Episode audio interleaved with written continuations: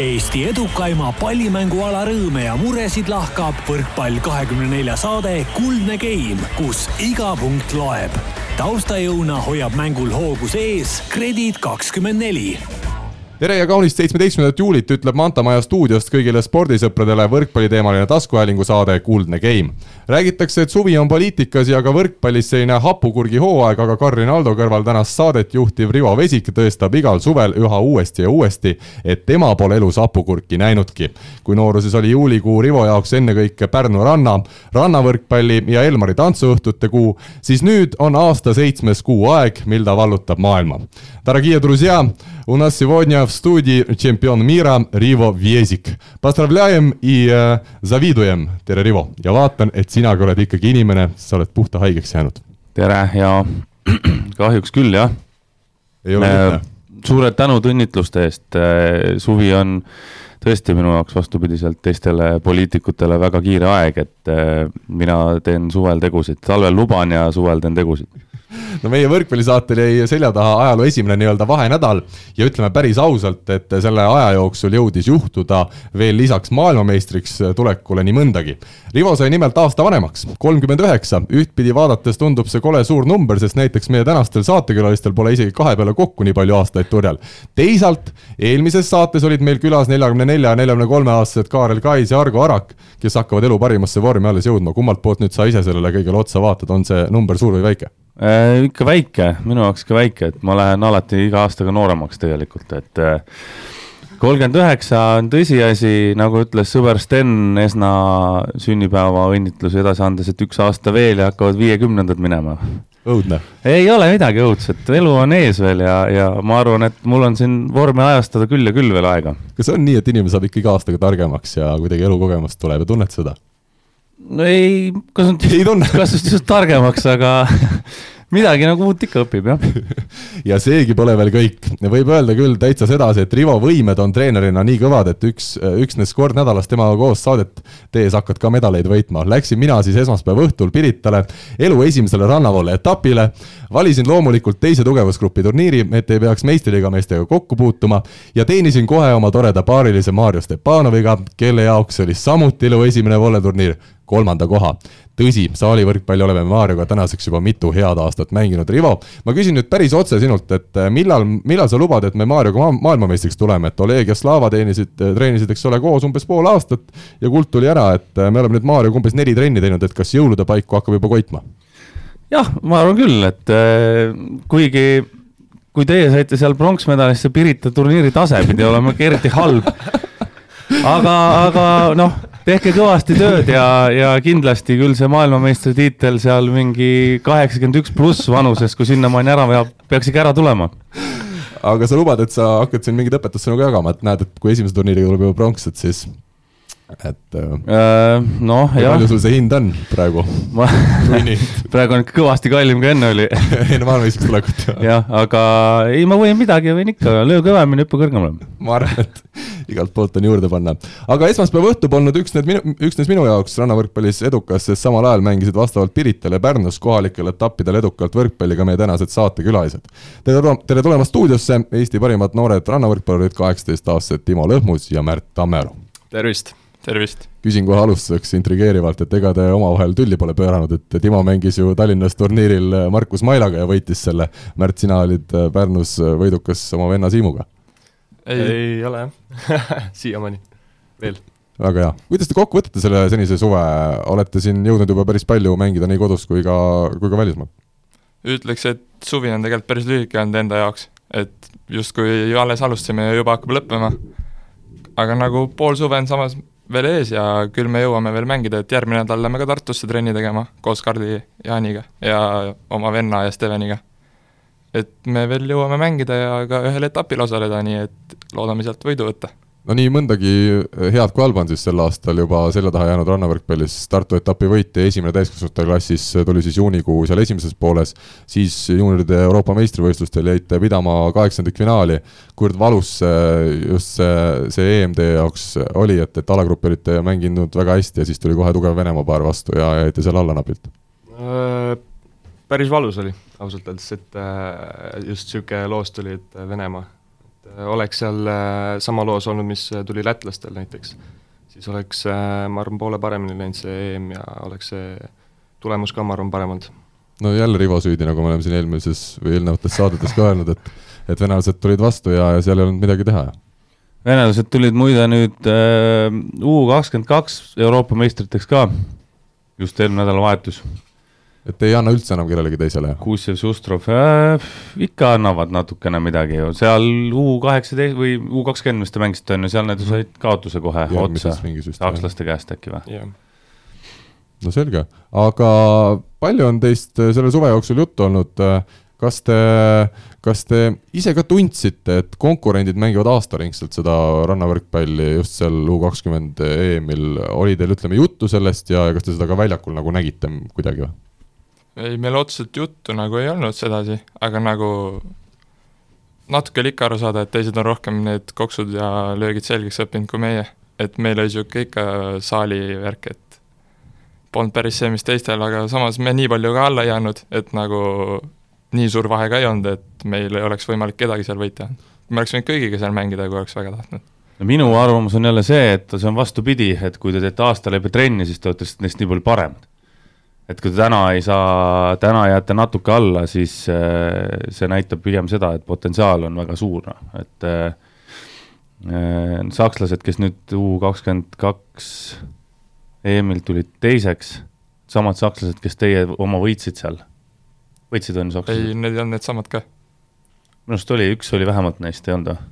vist ei olnud kumbki, kummagi, ma päris kindel pole, aga nad jäid teiseks meil ja minu arust nad ei olnud päris samad. aga võib-olla ei olnud samad ka?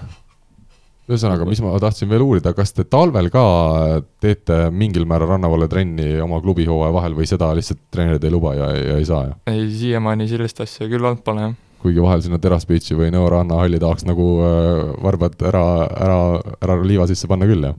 ma, mina võiks isiklikult panna küll aga jaa, et ma arvan, treenerid ei luba niisugust asja see on päris raske ka kusjuures, see ikkagi, see tegelikult see üleminek ühest teise on, on üsna ja naa, küll mitte tervise mõttes, nagu paljud arvavad, et et hakkab tervisele, aga, aga see on selles suhtes nagu pointless, et sa, sa võid ju nädal aega teha liiva peal trenni, aga kui sa järgmised kaks kuud jälle ei tee, siis ega ta ei anna sulle midagi, et sa unustad ära ja ja, ja lähed oma saali või, või siis rannaasjade peale tagasi kui palju need rannavõrkpalli, saalivõrkpalli teie jaoks nüüd erinevad, on see ikkagi minek täiesti teise maailma, nagu Rivo siin ka natukene ütleb, või, või on võrkpall kokkuvõttes üks võrkpall kõik või? ma arvan, see oleneb inimesest, et äh, minul isiklikult nagu suht kerge on minna saalist randa. aga see... nagu vastupidi, et äh, rannast saali on mul nagu poole raskem põhimõtteliselt. ja treeningud on vist täitsa erinevad ikkagi? Treeningud on ka erinevad jah, et äh, oleneb ka treeneri nii-öelda käekirjast, et mis, mis harjutused ja niisugused asjad nagu on. no rääkige, kaua te tänaseks olete koos mänginud, vist teine hooaeg, aga, aga kuidas te kokku sattusite üldse, te ei ole ju samast linnastki pärit? ma muidu mängisin Rasmus Meiusega, aga eelmine suvi oligi, et tal olid seljavigastused nii hullud, et ühel hetkel ta lihtsalt ei saanudki rohkem mängida. ja siis tekkis selline variant, et mängida Timoga edasi, see oli me juba jõudsime Rasmusega eelmine suvi ühe turniiri ära mängida ja siis nagu poole pealt nii-öelda vahetasime. ja siis Tartus kohe esimese etapi võitsime Timoga ja nagu siis tekkiski selline plaan, et võiks mängima jääda. ja EM-il juba mängisite koos, eks ja. ole, ja? ja siis olemegi siiamaani nüüd mänginud. ja vist ei olnud väga vale otsus?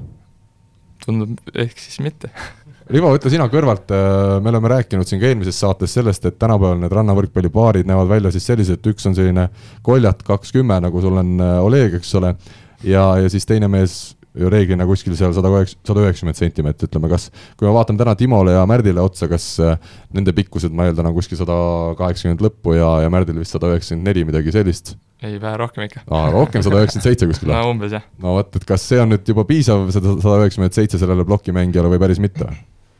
Äh, ikka on jah, eks seal on väiksemaid plokimängijaid ka, aga, aga üldiselt see tendents läheb sinna vaid äh, ikka kahe alla peab see plokimängija olema, et väiksemad lihtsalt ei saa hakkama, et seal suured poisid löövad üle ploki, et aga, aga on neid väiksemaid ka ja, ja rannavõrkpallis üks nagu hea asi on see, et kui sul ikkagi mõistust on ja natukene nagu osavust ka, et siis neid käike on lihtsam leida kui saalis väiksel mängijal, et et kui sa mängid seal või vaatasid seda Venemaa, just vaatasin seda rahvuste liiga finaali ja kui sul on kolm meest, kes on kõik kaks kümme plokis ja sinu, sinu pikkus on, siis palju sul on? mul on sada kaheksakümmend kaheksa, seitse. no kui sa, sa kaheksakümmend kaheksa, siis seal on üsna, üsna raske nendega võidelda, et see tõste võib olla sul nii kiire, kui tahad, aga, aga noh, oli näha, et ikkagi sein on, konkreetselt sein on ees ja, ja, ja suured rasked, et rannas selles suhtes on lihtsam, et seal on üks mees vastas sul ja, ja neid äh, lahendusi leida on nagu lihtsam kui me räägime sellest, kui pikk peab olema see pikem mängija, siis ole hea, ütle Rivo, palju täna ütleme maailma tipus on selliseid mängijaid, kus need mõlemad mängijad on seal kuskil kahe meetri juures äh,? on selliseid no, üldse? ikka on jah, ja Musen on mõlemad üle kahe äh,. kes seal meil veel on?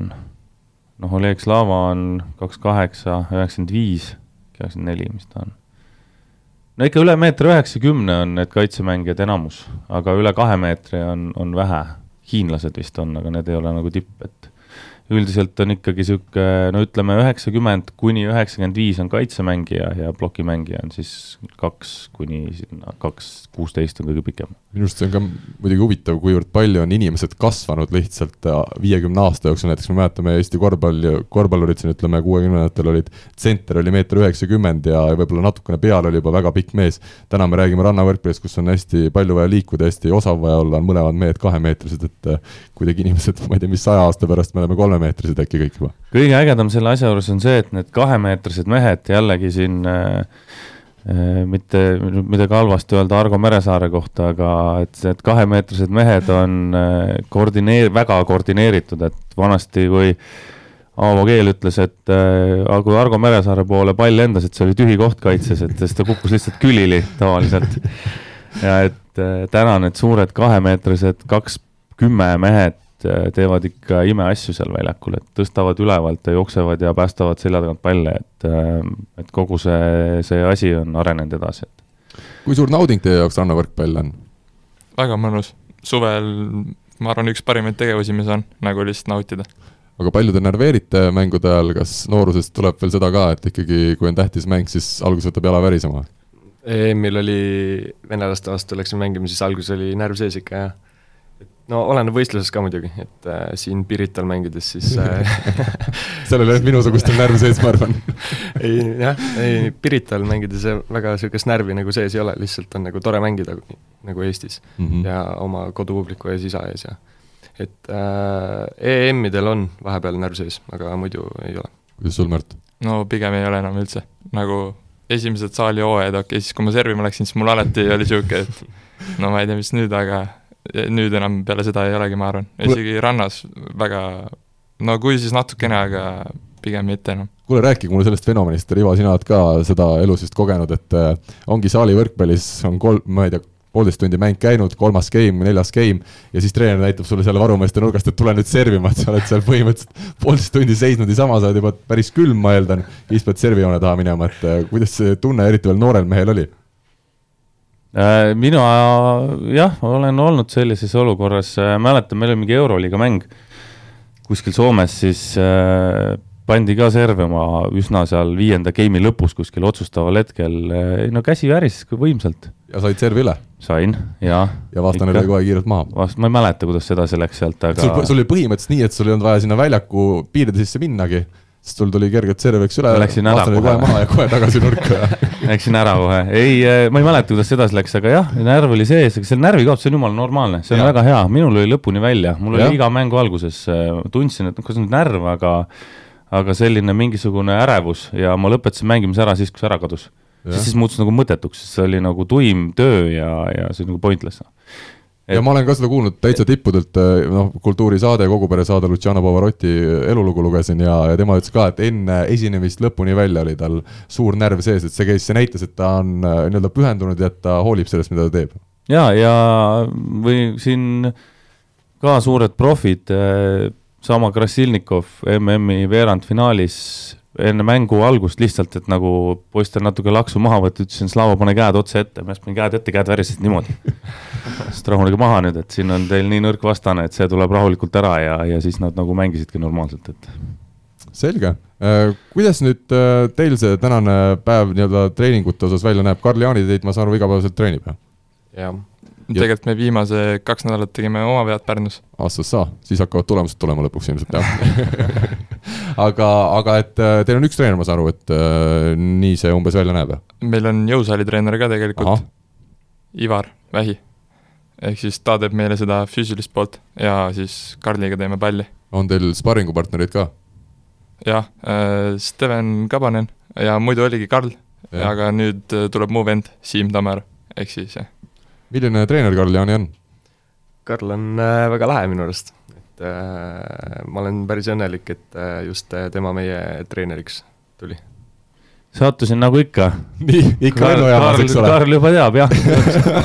sattusin lennujaamas Karliga kokku, Karl Jaaniga täitsa juhuslikult esmaspäeva hommikul. tuli välja, et äh, ta tuli Türgist koolituselt ja me tulime sama lennuga Moskvast lendasime tagasi, mina muidugi magasin, sest ma olin öö läbi lennujaamas olnud, aga aga siis lennujaamas rääkisime paar sõna juttu ka, et ähm, Karl on asjalik vend jah, ta teeb südamega ja ta teeb hästi oma tööd. No see on üldse minu arust ka näitab, kui kõval tasemel on treener, et isegi kui meie poisid ei pääsenud sinna Türki, sinna EM-ile, eks ole, siis treener läks ikka kohale. kuigi ühtegi Eesti paari ei osalenud. jaa, aga olgu siis öeldud ka kõigile kuulajatele, et ei läinud ta mitte juhuslikult, vaid seal oli mingi treenerite väljaka äärde koolitama ennast ja, ja teisi võistlejaid siis treenima.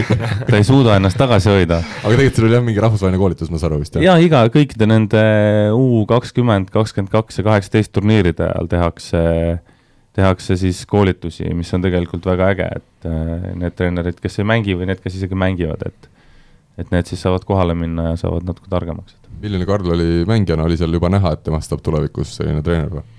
ei tea, kas näha oli, ei, ei osanud pöörata tähelepanu sellele, et ma, ma arvan, et kui siin kellegi käest küsida, et kas minu mängijakarjääri ajal oli näha, kas minust saab treener või ei saa, siis kõik ütlevad jumala eest mitte. paljud ei saa siiamaani aru, kuidas see võimalik. täpselt, hoidku jumal selle eest, et äh, ei noh, Karl oli mängijana, mängijana olid omad plussid ja omad miinused, et äh, tegi oma asja sajaprotsendiliselt nii hästi, kui tal välja tuli, et Äh, kui me nüüd räägime Märdist ja, ja Timost, palju teie ribavesikut olete mängijana näinud, kas te olete vist nii noored mehed, et, et äh, häguselt kuskilt äh, sedasi lasteaiapingilt äh, midagi võib meenuda, aga ega ole nüüd, ega neil Ei see ole. eelmise aasta kaotus pole siiamaani õigus, aga sellest võiks küll pikemalt rääkida, see kuidas, see oli. Tartu turniir või? see oli Tartu turniir jah? Rivo polnud kümme aastat palli näinud, ma eeldan, ja ikka olin, ikka olin olid, olid näinud no ma mingisugune aasta polnud palli mänginud, ütleme nii mm, -hmm. natuke vähem. kuidas see mäng oli siis? enne, enne vaatame, kuidas, mis Rivo mäletab sellest, kuidas ei no esimene, mängisime kaks korda teiega onju, ai, Ja ai, ai mängid., ei, üks. Ühe korra ikka sina. Nemad mäletavad ühte korda. aga muidugi trenni tegime nendega enne, üks päev enne. nii, mis seal oli, oli üsna lihtne, Märt seisis vastuvõtul nii ees, et serv rinda ja oligi ja korras. lõpuni välja see oli seal vales kohas sees. põhimõtteliselt jah. noored poisid ei tea veel. Karl äh, muidugi ütles ette ka, teeme seda, teeme seda, teeme seda. Karl teadis kõike ju. meil oli esimene nädal koos ka nii, et see ei, vabandab välja. ei, ei, ei, ei, kui täna peaks mängima, oleks teistmoodi seis või? ma arvan küll. kindlasti. et Märt seisaks tagapool, jah? kindlasti. okei, aga, aga kui nüüd tõsiselt rääkida, mida teie mäletate Rivost kui rannavõrkpallurist, siis tollest hetkest, kui ta mängis, on teil mingeid mälestusi? ma mäletan ühte saali võrkpallihetke, et mingi finaal oli. Sellist TTÜ Jaa, ja just, siis jaa. servima Balti liiga ja finaal. plokk ja vaata, ega nooremad võrkpallisõbrad Rivo ei mäletagi sinust muud kui seda, et sa tulid Balti liiga seal finaalturniiri korra servima. aga ei olegi vaja selles See suhtes seda ei pea, ei peagi mäletama. see minu sissetulek tõi Balti liiga läbi aegade kõige suurema aplausi ka, nii et äh, isegi võitjatele ei tehtud nii suurt aplausi, rahvas läks minema saalist. aga kui olete tagantjärele jõudnud vaadata midagi, mida Rivo, ütleme, tegi mingeid videoid või mina olen näiteks vaadanud Youtube'is, ega Youtube'ist ei leia Rivo ja Kristjani mänge sinust üldse mingeid üksikuid hetki. aga ei ole, see oli nii ammu, see on mustvalged videod on ja pildid, joonistatud pildid. ei, me Karliga isegi oleme vaadanud vahepeal, et äh, siis kui me olime EM-il, siis äh, Karl isegi ütles meile, et äh, vaadake minu mänge ja Rivo mänge, et, äh, Et sealt on palju õppida. jah, Karli pealt eriti, et mida mitte teha, eks ole. jaa, täpselt. aga millise mulje teile, ütleme, Rivo mäng jättis, nii palju, kui te seda vaadanud olete? väga hea mulje, muidugi, seal, sealt on väga hea õppida, sealt plokist te vist ei näe ka, sealt tuleb päike ka läbi, jah. Oli nii? Rivo vaatab tõsiselt näoga otsa. põhimõtteliselt oli küll jah. Pärnus oli nii, kui ma Pärnu randa läksin, olid pilved kohe. rahvas läks ära, päikest võtta ei saanud enam. vägev. no Märt, Tartu treener Andrei Ojamets, sinul lõppenud hooajal, tema on ka karjääri jooksul olnud äh, rannavõrkpalliga tihedalt seotud, vist käinud isegi üheksakümmend kuus, kui ma õigesti mäletan, Kreeni ja Keelega, kas isegi olümpial Atlantas kohal. oli jah, ta oli Kaido ja Aavo treener seal no, enne olümpiat ja olümpia. aga millised sõnad nüüd tema sulle enne seda randa minekut peale luges, et äh, tuli sealt midagi ka või, või oli rahulik? ei, kui ta nägi mind saalikoondises, siis ta küsis, et noh, ei läinudki randa ja ehk siis nagu niimoodi otseselt ei öelnud midagi, aga noh, kes sellest mida välja loeb sellest laudist ja ega sul vist varsti tuleb minna ka Tartu meeskonnaga juba uueks ajaks, uueks valmistuma? ma ei, pole veel neid kuupäevi täpsustatud, et ma ei tea. ja sul on ju veel koondise variant võib-olla no,, seda ju ei tea ka hooajani on nii palju aega veel, tühja see ettevalmistamine, siis oktoobri algus hakkab septembris, esimesel septembril lilledega saali ja nagu kooli minek.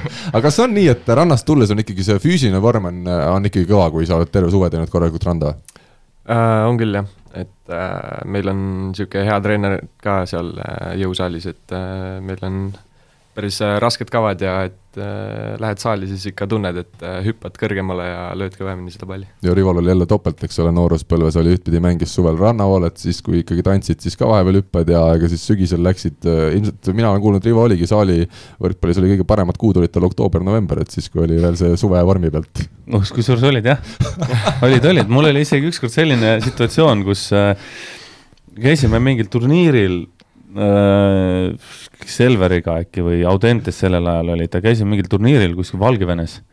ja ma olin otse tulnud niimoodi, et ma tulin otse lennuki pealt, meil oli USA-s turniir, otse lennuki pealt põhimõtteliselt istusin bussi, sõitsin Valgevenesse ja esimese mängu peale esimest mängu tuli see Valgevene tolleaegne meister eh, Grodno kommunalniku treener tuli, ütles, et kuule davai, et me teeme sinuga lepingu. siis me mingi seitse plokki ja rünnakuprotsent oli kaheksakümmend ja lendasin niimoodi üle võrgu seal kõik, siis ma ütlesin, et rahu, rahu, kahe nädala pärast on see läinud. ei, vaata, see on nüüd küll vale, sa oleks pidanud ikkagi ennast maha müüma äkki seal. ei, ei, ei, noh, mul, mul olid juba plaanid olid rohkem ranna peal niikuinii tehtud, et äh, mul ei olnud seal midagi müüa ja ma arvan, et see pettumus oleks üsna kiirelt tulnud.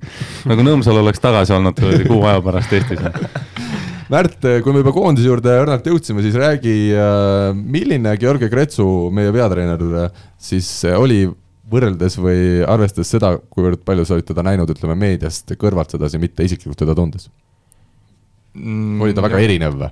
ei olnud, ma arvan. nagu väga selline sihikindel ja konkreetne ongi, et ta tahab, et sa teeksid nagu ja ta tahab täpselt nii, et äh, noh tahab, sa, sa teeksid nii, nagu sa tahad. ja korrektselt. nagu ta äh, tahab. jah, jah. ja, ja kas, jah. kui sa järgid nagu tema juhiseid, siis talle meeldib, ehk siis pead põhimõtteliselt tegema seda, mida ta tahab. Mida, see ongi kõige tähtsam. mida ta sinult, ütleme, nõudis või olid mingid sellised... mul oligi see vastuvõtuasend kõige tähtsam ja Aha. see liikumine ja käed ja oligi vastuvõtuasend. kas sellest oli rannas ka kasu või see on teistmoodi natuke? ma ei tea, rannas on, ma arvan, vähe teistmoodi, ehk okay. siis nagu ma ei liigu rannas nii palju. palju sa, ütleme, peapesu said Janilt äh, selle kevade jooksul? Kusjuures väga palju ei saanudki, nagu ma üritasin teha nii palju ja nii, kuidas ta tahab, et nii, nagu talle meeldib. kas koondises neid mehi ka on, kes kohati ei taha teha neid asju kõiki nii, nagu peab tegema? ei, päris nii ikka ei ole, et keegi ei tahaks. kõik kuulavad, jah? pigem, jah. seal on vist kiire minek, kui hakkad, hakkad no, vastu võitlema, tundub ütleme, mis tema veel, palju te omavahel nii-öelda personaalselt rääkisite või palju ta, ütleme, sinu tulevikust või rannavõrkpallist uuris? ei, pigem mitte. pigem oli väljakul, ütles, kus peab seisma ja, ja sellega asi piirdus, jah? põhimõtteliselt. selge.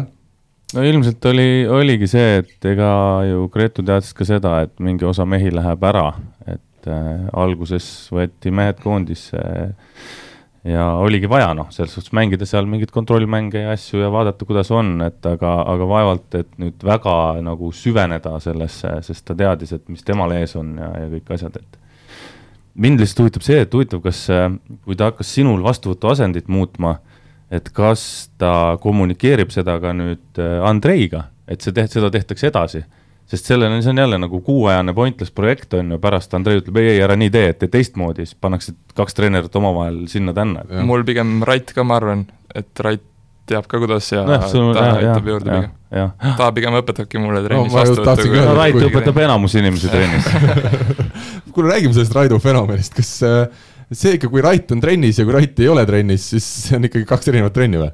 natuke ikka, ma arvan et ta ikka juhendab ja teeb nalja ja kõike? jah palju vaiksem on ka, kui Raitu pole, ehk siis jah ei, aga see on, ma ei tea, tore, kui Rait trennis on palju naljakam ja kõik on Läheb kiiremini see trenn jah.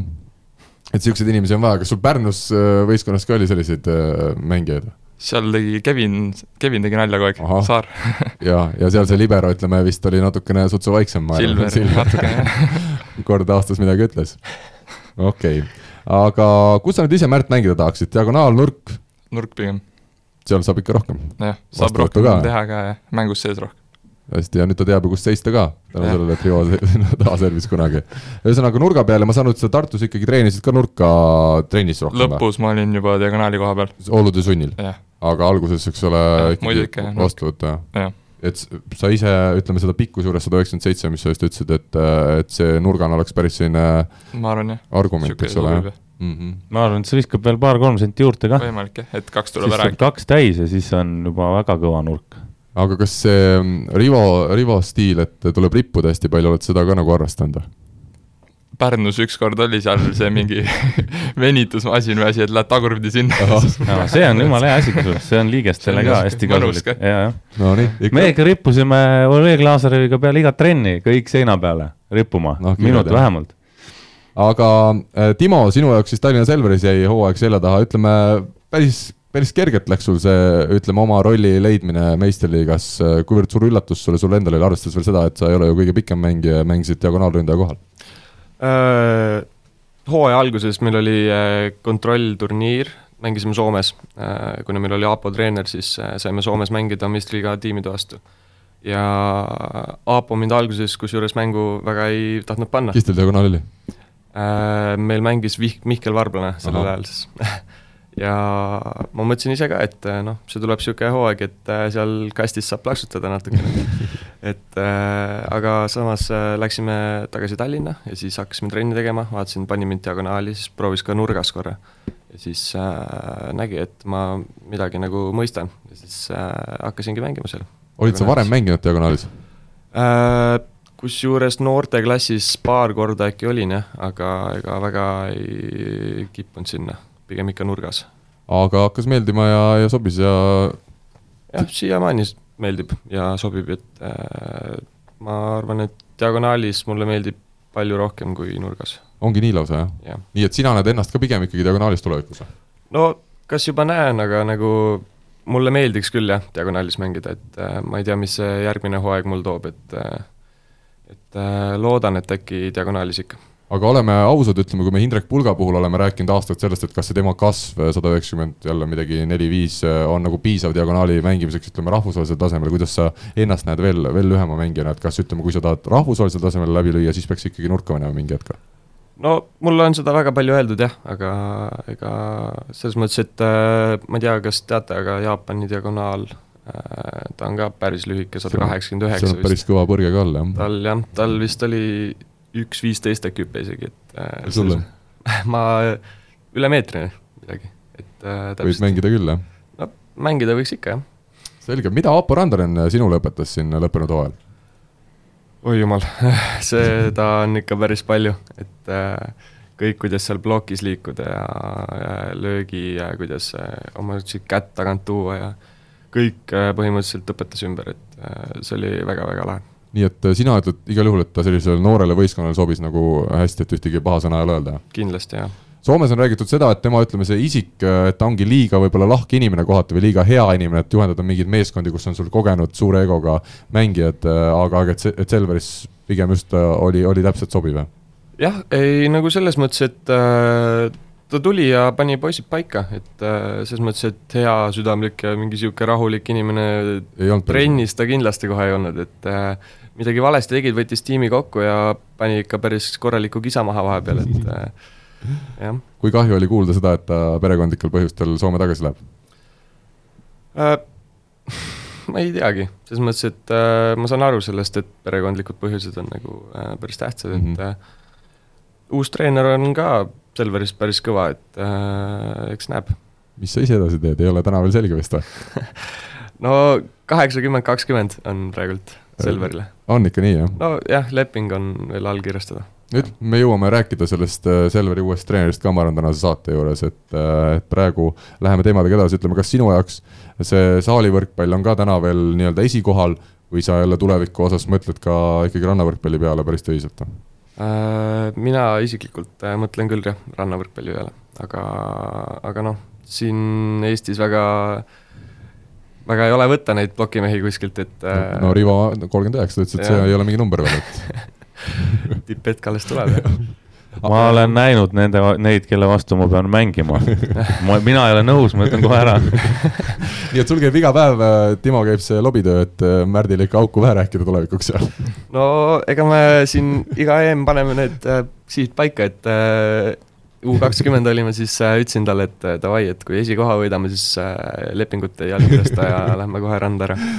aga ei juhtunud nii päris? aga ei juhtunud jah. tuleb paremini mängida. ja mina ütlen siin selle koha peal, et kõikidel nendel noortel oleks kordades lihtsam teha oma otsuseid, kui olekski toimiv süsteem. kui meil oleks eeskoondis ühe-kahe võistkonnaga, kes käivad maailmakarika etappidel, kui neile kahele tüübile antaks võimalust käia maailmakarika etappidel üks-kaks-kolm korda vähemalt aastas mingitel väiksematel, siis, siis, siis see otsus tuleks kordades kergemalt. täna on taaskord, ma olen seda korrutanud mitu korda, täna on see ikkagi eralõbu mm. -hmm selle esimese teema lõpetuseks natukene räägiks teie nooruspõlvest ka, et kuidas te võrkpalli juurde jõudsite, kui loomulik rada see oli, alustame võib-olla Märdist. mul, ma läksin isaga kaasa, no siis ma olin päris väike ja isa käis trennis koos oma, mu venna Siimuga ja siis ma lihtsalt seal seina ääres jooksin, mängisin tavaliselt jalkat, siis ma käisin jalkas siis veel ka. siis võrkpall oli veel niisugune, nagu ta oli, ja siis ma vaikselt hakkasin ka, mida vanemaks sain, hakkasin seal söötma ja harjutama ja ja siis tasapisi juba koolis oma vennaga kõksisin. lihtsalt nii, et ta lõi, ma tavaliselt mängisin kaitses, seepärast mulle kaitse meeldib ka päris ja. palju. ma isegi rannas võib-olla mängiks kaitset, kui aus olla ja siis oligi, siis lõpuks sain juba isa trennides mängida. Ja nii see vaikselt läks ja no ma tean, et sa ikkagi jalgpalli mängisid päris tõsiselt seal nooruses, et kas sa nüüd tagantjärele ei kahetse, arvestades hiljutist seda suurt mängu Saksamaaga null kaheksa, et oleks saanud võib-olla ka osaline olla selles toredas mängus? mind isegi kutsuti noortekoondisesse aga.... ma mõtlesin pärast seda Saksamaa mängu kutsuti, et tagasi jalgpalli siis, kui ma veel jalgpalli mängisin, aga siis ma käisin väiksena veel sõbra sünnipäeval ja siis ma magasin põrandal ja siis aknad olid lahti ja ma jäin haigeks ja siis ma oksendasin terve järgmine päev ja ma ei saanud minna ja siis peale seda oli ikka lihtne otsus, et nii, jääme võrkpalli juurde. nii jäävad äh, Eesti tulevased koondise mehed äh, võrkpalli juurde, nagu me näeme, et siin on ikkagi jah, Õue Kallas oli ka ju koondise poiss jalgpallis põhimõtteliselt.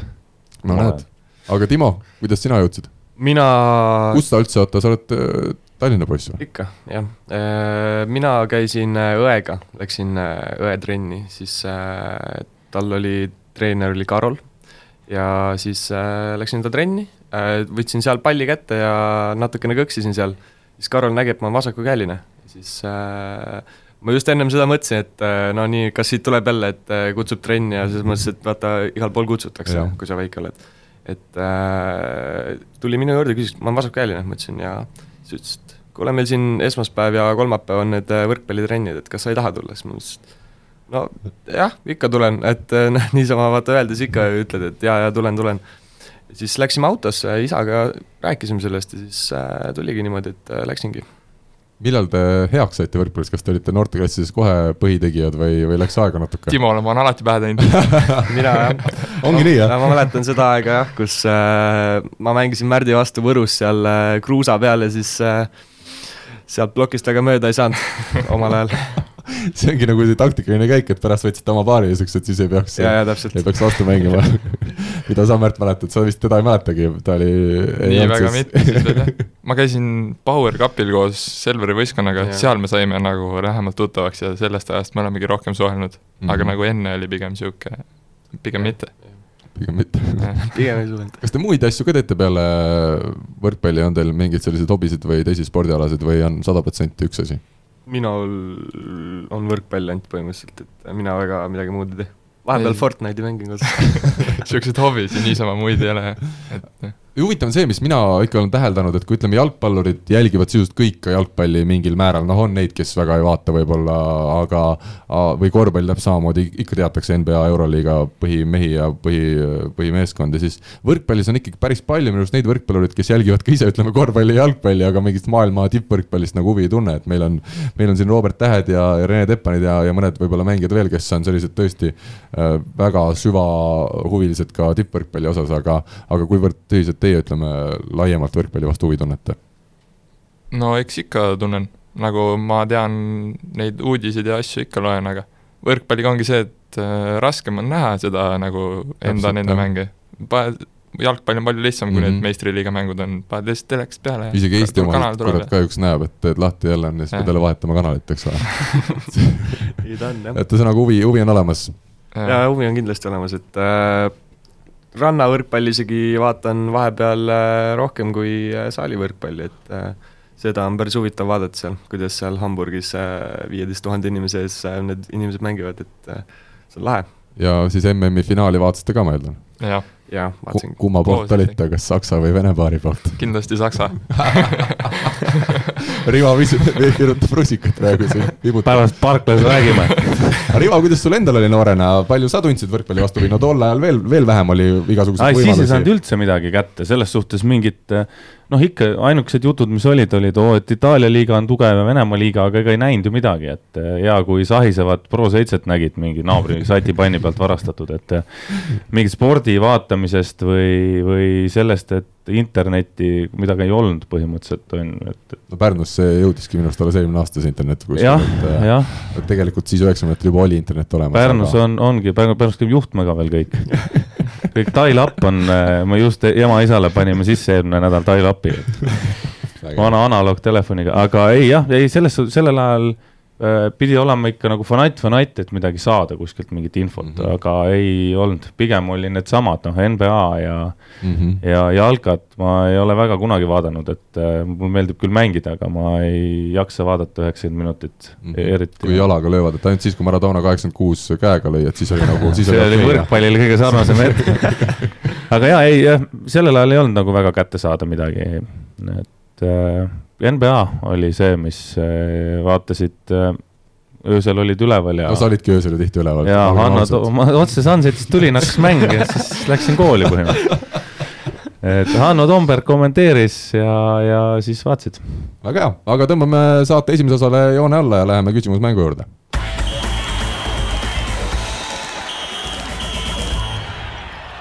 Eelmises saates küsisime siis seonduvalt meie saatekülaliste Kaarel Kaisi ja Argo Araki, Arakuga, et äh, kes on äh, need mängijad või see mängija, kellega koos on nemad mõlemad rannavõrkpalli siis mänginud.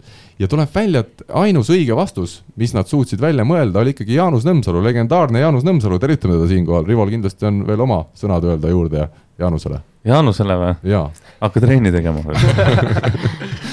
aga äh, meil oli siis kokkuvõttes kaks inimest, kes teadsid, et see on äh, Nõmsalu ja üks inimene siis lisas veel juurde, et äh, või tähendab, ei vastanud Nõmsalut, vaid ütles, et Aerok Rannakuninga turniiril olevat siis mõlemad mehed mänginud nii Mait Mursi kui Aleksei Povjakiliga.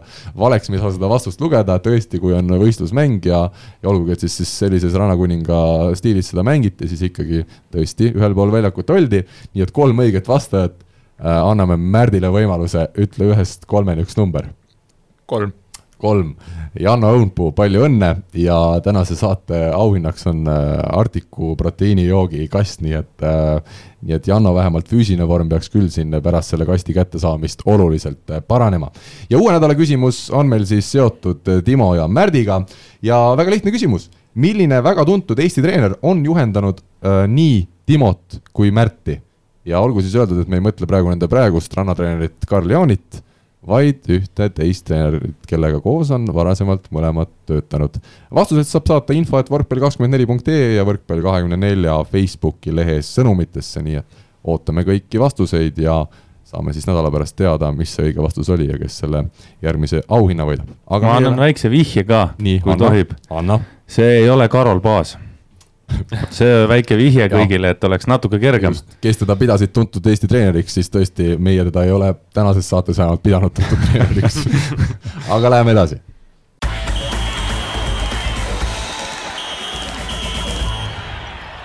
Aga nüüd siis teemade juurde. Rivo, esmalt äh, Oleg Stojanovski ja Vjatšeslav Krasilnikov, sinu hoolealused kahekümne kahe ja kahekümne kaheksa aastased mehed esimest korda siis elus maailmameistriks tulid Hamburgis toimunud äh, äh, suurturniiril. ütle, kuivõrd eriline emotsioon see sinu enda jaoks oli seda kõike kõrvalt nende treenerina näha? noh, sõnadesse seda panna on väga raske, et äh, sportlaslikku nagu ütleme, spordikarjääris kõige-kõige-kõige kõvem hetk, et äh, emotsioon oli, oli selline ja adrenaliin oli selline, et noh, ütleme, kui sa sporti ise teed või mängid, siis adrenaliini laks on üleval, aga sa töötad kogu aeg, liigutad, liigutad, liigutad, liigutad. sul on lihtsam. sul lihtsam, oled nagu kontrolli all. istuda seal äh, finaalis ja vaadata seda mängu nagu istudes koha pealt, see, see oli lihtsalt ebareaalne mina pidin ära minema peale esimese game'i lõppu muide, mul oli lend staadi ja meil oli nii, et äh, meil üks teine võistkond siis oli staadis juba ees, et ma pidin lendama sinna trenni tegema nendega. Ja, ja mina, ma läksin ära staadionilt, ma läksin jala, sealt kakskümmend minutit hotelli jalutada ja ma läksin seepärast jala, et ma ei saanud istuda. buss ootas, oli tellitud vastu, et viib mind hotelli, asjad ja lennujaama. ja lihtsalt ei suutnud istuda, peatreener äh, pidas vastu siis kolmanda game'i seisuni äkki kaks-kaks ja läks lihtsalt staadionilt välja suitsu tegema. Ja siis jäid mehed kahekesi. kahjulik tervise. ei, ei, ega meie seal ju ei istu seal ju all, meid Aha. ei lasta ju, rannavõrkpallis ei lasta ligi, me oleme tribüüni peal. et mängijad ei teagi, kas treenerid on kohal või ei? ei no ikka teavad, et on kohal, aga. siis teadsid, et ei olnud kohal enam? ei no nemad, nad ei näe neid, me olime tribüüni kõige viimases kohas olid treenerite kohad. ongi nagu, nii jah? ja, ja, et ei oleks mingit seal etteütlemist ega asja siis äh, siis peatreener läks minema, seisub kaks-kaks äkki. ja tagasi ei tulnud enne kui? ei, enne ja. lõppu, enne kui sai aru, et on võitud, siis läks nagu poiste juurde. ja tegi suitsu väljas kogu selle aja. ja sest ta, ta ütles, et ta lihtsalt ei suuda vaadata, sakslaste treener läks minema staadionilt äh, peale teise game'i, kui Oleg Slava vist olid kuus, kuus punkti ees rääkisin sakslaste treeneriga Gstadis, ta ütles, et ta pole kolm ööd maganud, et ta on äh, kogu selle asja uuesti läbi elanud Äh, meie statistik suutis teha oma tööd äkki teise game'i lõpuni või kolmanda game'i alguseni. ja siis ta ütles, et ta ei saanud enam, ta, kuna ta toksib sinna arvutusse mingit kombinatsiooni, siis ta ei saanud nuppudel pihta enam, käed värisesid. ja siis ta tõusis püsti ja kui mina temaga telefonis rääkisin peale mängu, siis tal enam häält ei olnud, siis ta ütles, et ainukene viis, kuidas see laks alles, ta karjus lihtsalt, ainult karjus konkreetselt. mitte mingi võitle, võitle, vaid lihtsalt röökis mingeid asju. nii et kui oli suur finaal, mängisid kaks tugevat paari, oli otsustav game, äh, rahvas oli seal pöördes, äh, publikut oli palju, siis kaks inimest, kes olid selle areeni siis väljaspool, tegid suitsu, olid mõlema võistkonna siis peatreenerid? põhimõtteliselt jah, sakslaste vist treener ei tee suitsu, aga jah äh,, ei pidanud kumbki, sakslaste teine treener või siis ka treener pidas, pidas nagu lõpuni vastu, aga teised ei jah. Mina sain taksost teada, et äh, poisid võitsid, vaatasin. sa nägid seda kuskilt või sa? ma vaatasin jah, ma, ei ma vaatasin äh, telefonist. laivi, sai ikka vaadata. ma just enne mõtlesingi, et siin hakkan küsima sult saates, et huvitav, kas siis äh, riiklikud võimud juba nii-öelda tellisid sulle lennu ära, et saaks nagu minna Venemaale neid rublasid ära tooma, mis selle võiduga kaasnevad, aga tuleb välja, et ikkagi sa pidid järgmisele turniirile vist minema, jah? ja, ja me läksime ju kõik järgmisele, et Oleg ja Slava läksid ka, kuigi me soovitasime neil mitte osaleda, sest äh, see ikkagi see emotsionaalne asi, mis sealt tuleb, on nii suur ja see langus on ilmselt ongi nii suur. Nad saidki play-off'i esimeses ringis. Nad said esimeses ringis peksa jah, nad said juba alagrupis ühe mängu ja siis play-off'i esimeses ringis kaks-null juba, et. aga seal oli ka näha, et nad on täiesti tühjad, noh täiesti tühjad, sealt, sealt ei olnudki midagi tahta, nad ei suutnud mõelda isegi korralikult servida ega mitte midagi.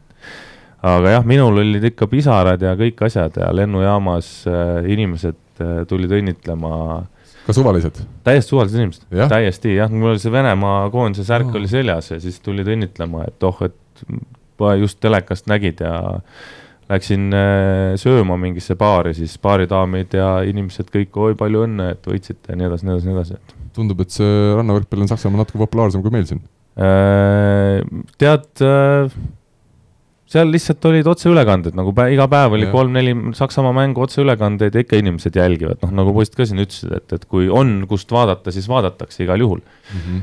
ja, ja noh, ma, ma ei tea, mul oli ilmselt see haiguse asi ka natukene peale seda staadi turniiri tuli nagu täielik pingelangus, täielik, sest ma olen kolm päeva olnud täiesti väsinud.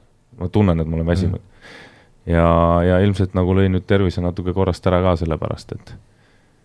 kui suur asi see poistel oli, ütleme, Oleg on veel noormees, kakskümmend kaks, aga Vjatšeslav vist kakskümmend kaheksa, tema oli seda hetke päris kaua oodanud juba, et, et midagi sellist võita. ta oli eelmine mm kolmas ja, ja noh, muidugi loomulikult äh, siin peatreener, koondise peatreener, see on loll küsimus, mis sa küsid mu käest praegu, et loomulikult see oli kõige suurem hetk nende elus, et äh, et see, see töö, mis on tehtud äh,, Slava on teinud kümme aastat äh, roppu tööd selle nimel, et võita midagi, enamus mängijaid ei võidagi mitte midagi.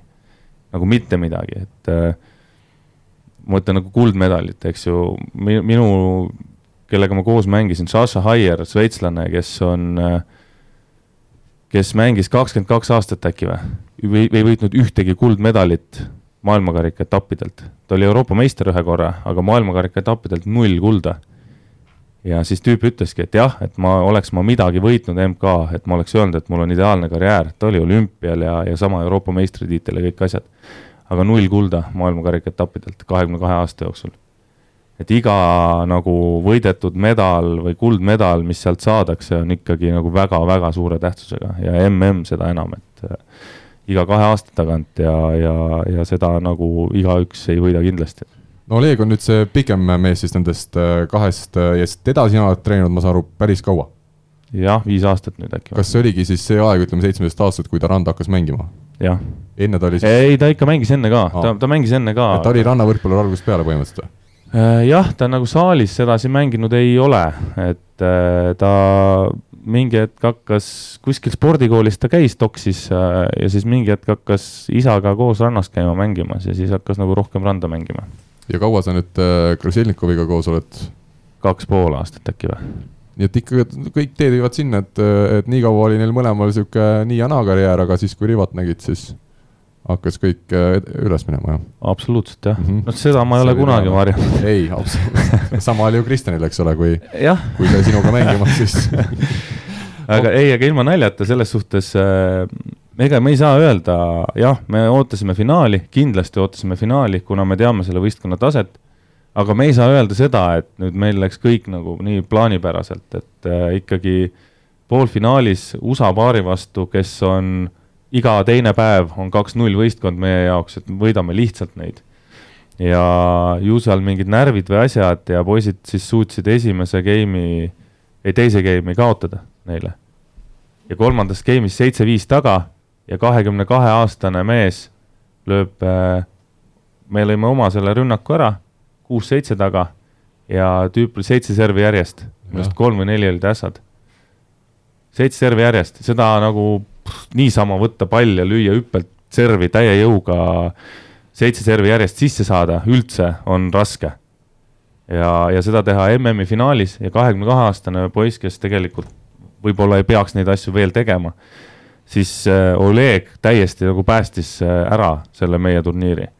ja finaalis samamoodi, et ta finaalis pani ka seal kolmandas game'is mingi korraliku seeria, et äh, noh, kõik natuke kokkusattumused, natukene mingisugused asjad, natukene õnne, seesama, et norrakad, kes täna on maailmas number üks paar, on ju, kes enne seda MM-i turniiri võitsid kolm turniiri järjest ja staaditurniiri võitsid otsa kohe peale MM-i. MM-il olid kolmandad. said sakslaste käest poolfinaalis peksa, äh, noh, seal oli kaks vaieldavat vilet kohtuniku poolt ja üks neist oli kolmandas game'is, mille peale näha oli, et norrakad murdusid ja, ja, ja noh, ma arvan, et see oleks Norra olnud, me ei tea, mis see finaal oleks olnud, et sakslastega meil oli ikkagi lihtsam, me saime aru, et me oleme tugevamad, me oleme favoriidid.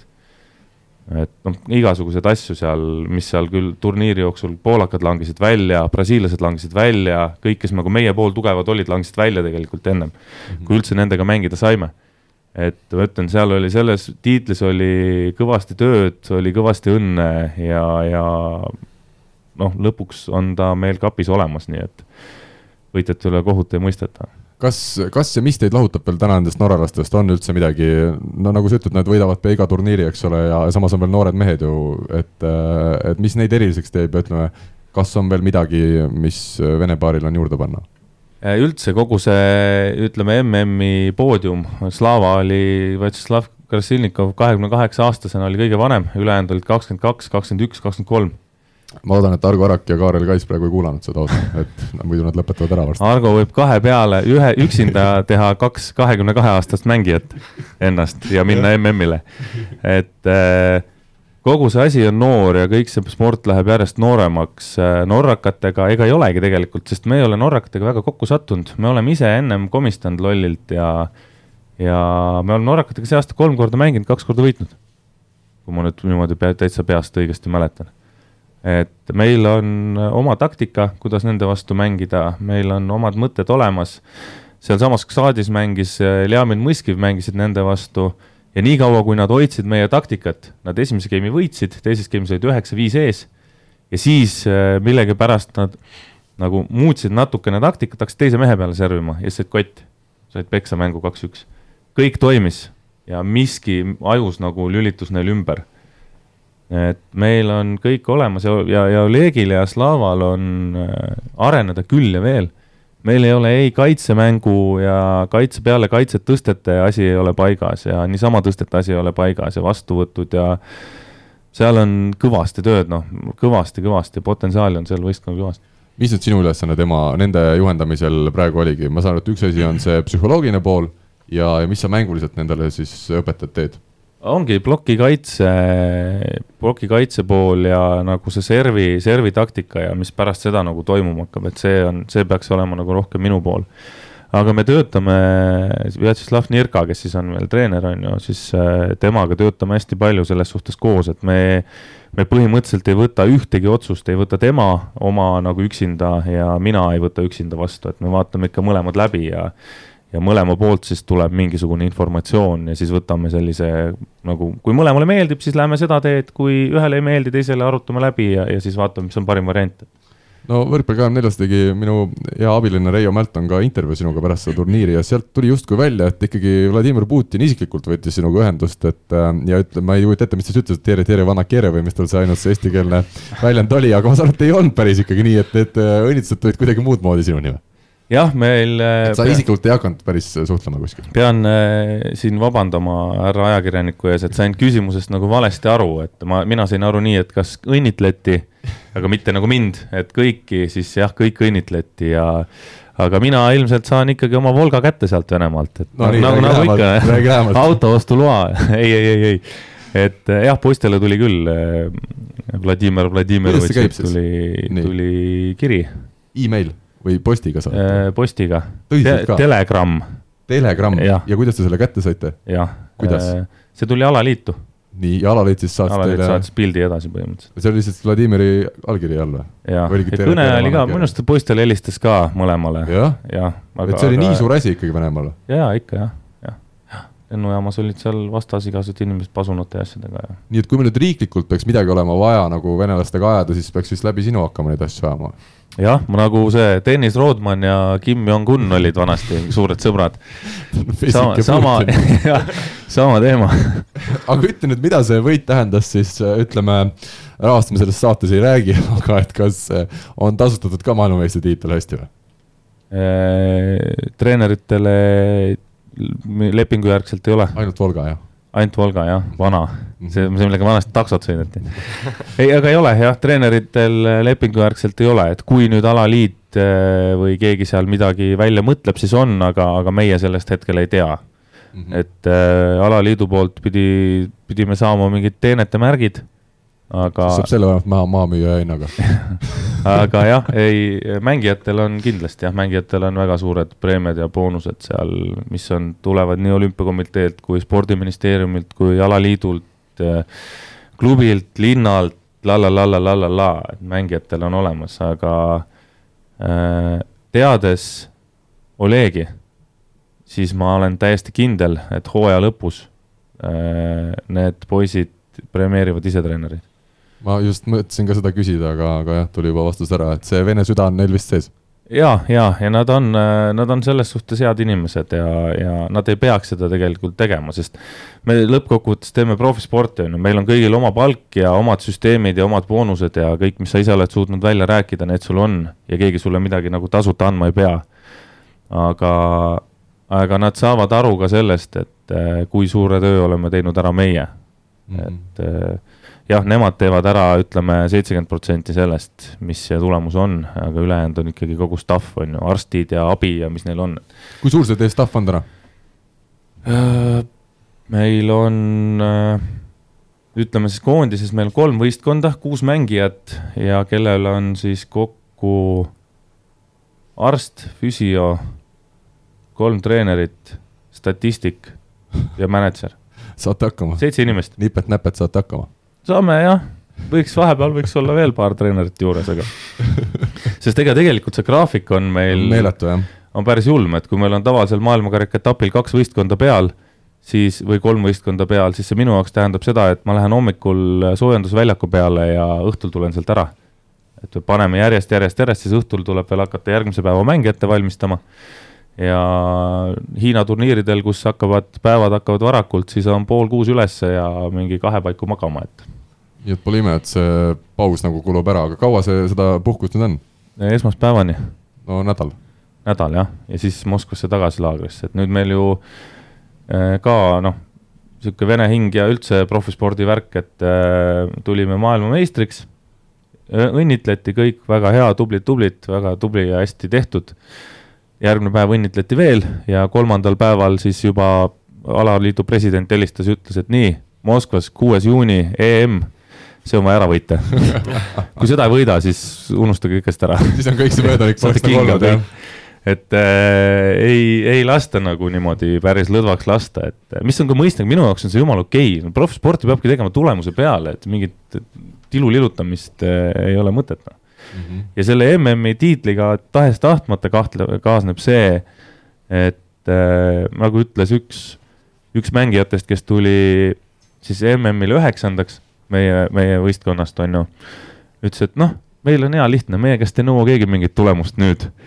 Et äh, nende käest kohe nõutakse tulemust, kohe MM-id, EM-id, olümpia. jah, hõbemedal on juba, eks ole, põhimõtteliselt pettumus, kuna hõbemedal, jah, on pettumus, jah aga siit on hea edasi minna, ei ole siis Venemaa ainus suur võit siin juulikuus rannavõrkpallurite oma, vaid äh, Toomas Sammelvoo, Venemaa rahvusmeeskonna uus peatreener, tüüris siis meeskonna rahvuste liigas taas võitjaks, äh, eelmisel aastal võitis Venemaa samuti selle ja, ja finaalis alistati Chicagos väljaku peremehed ameeriklased. Äh, ega Sammelvoost vist ka kiidusõnu noh, kuidagi üle, üle öelda ei ole võimalik, et, et see mees on, on, on kõike seda väärt, mis ta on, kuhu ta on jõudnud kindlasti jah, aga siin on jälle täpselt sama asi, et äh, rahvuste liiga võit. sel aastal oli vähe, vähe väiksema, ütleme, tähtsusega kui kõik eelnevad hooajad, jah? ega ta ei ole ka eelnevatel hooaegadel Venemaal võetud väga kui mingit, ta ei ole mhm. tiitlivõistlus.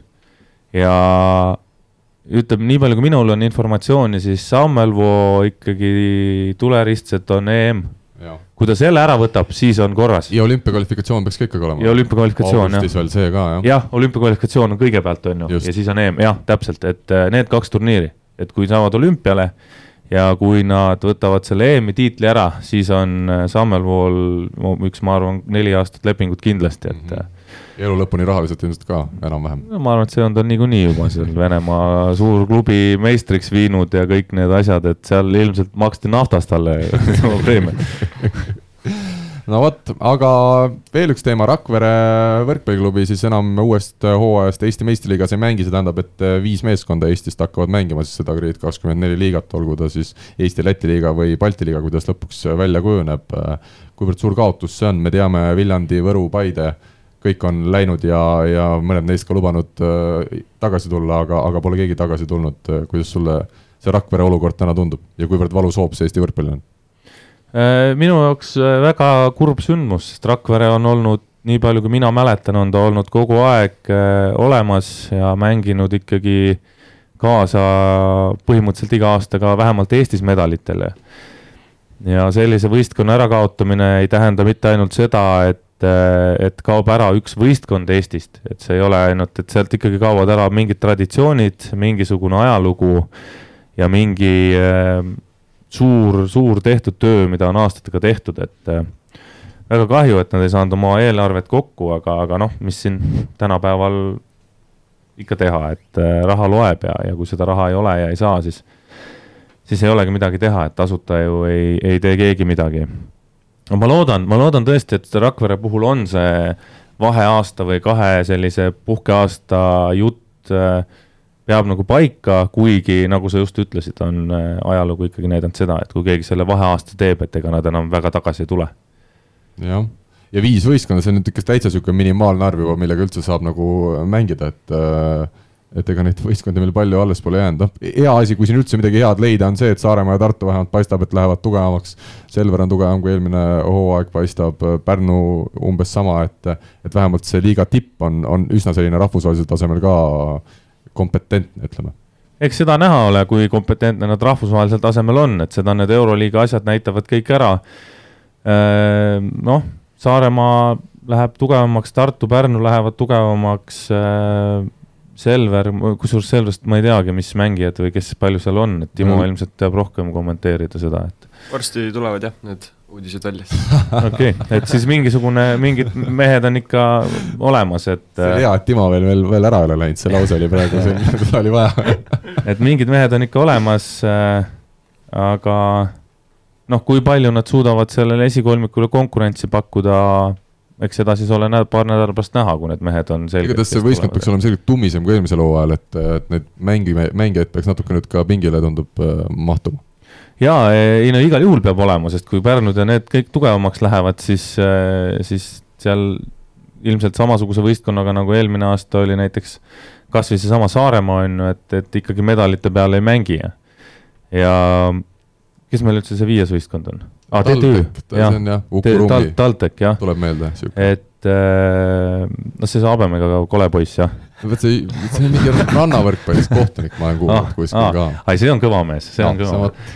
et äh, TTÜ, noh, kui, kui nüüd kõike seda kuulata, siis äh, vabandust TTÜ meeste ees, aga neil ei ole küll kellegiga siin mängida, et võib-olla siis lätlastega seal kellegiga pusida.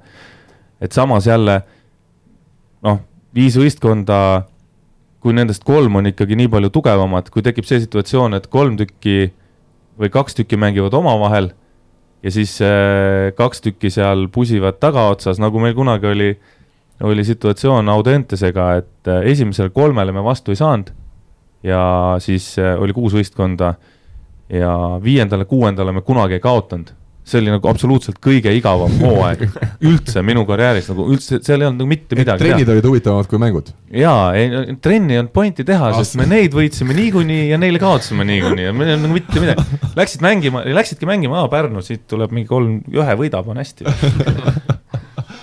selge, aga Selveri teemal jätkates, äh, uus peatreener Alessandro Piroli, itaallane ja kui me vaatame seda CV-d, siis seal on, mida vaadata, Itaalia-Venemaa kõrgliigas olnud äh, abitreeneri statistik, samamoodi Bulgaaria, Itaalia koondises olnud abitreeneri statistik. Ja, ja, ja noh, CV on tõesti selline, et võtaks silmad kinni ka selle mehe ära. põhjus, miks ta nüüd Eestisse on jõudnud, tuleb välja, et Euroopa võrkpalliturul on siis täna seis selline, et treenereid on rohkem kui neid meeskondi.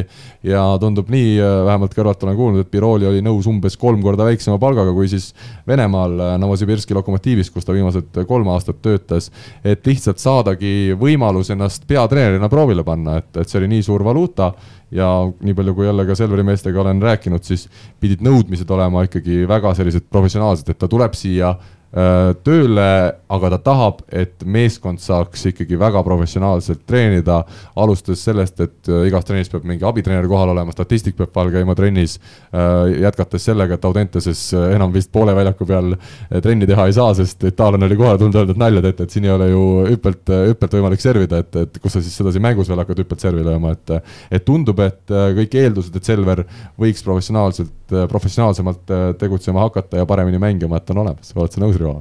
jah, eks äh, nõuda võib igasuguseid asju, mis sellest lõpust välja tuleb, on, on teine, teine asi, asi.. Äh, aga siis sellise CV-ga siis Selverisse tuleb üks itaallane, üks venelane.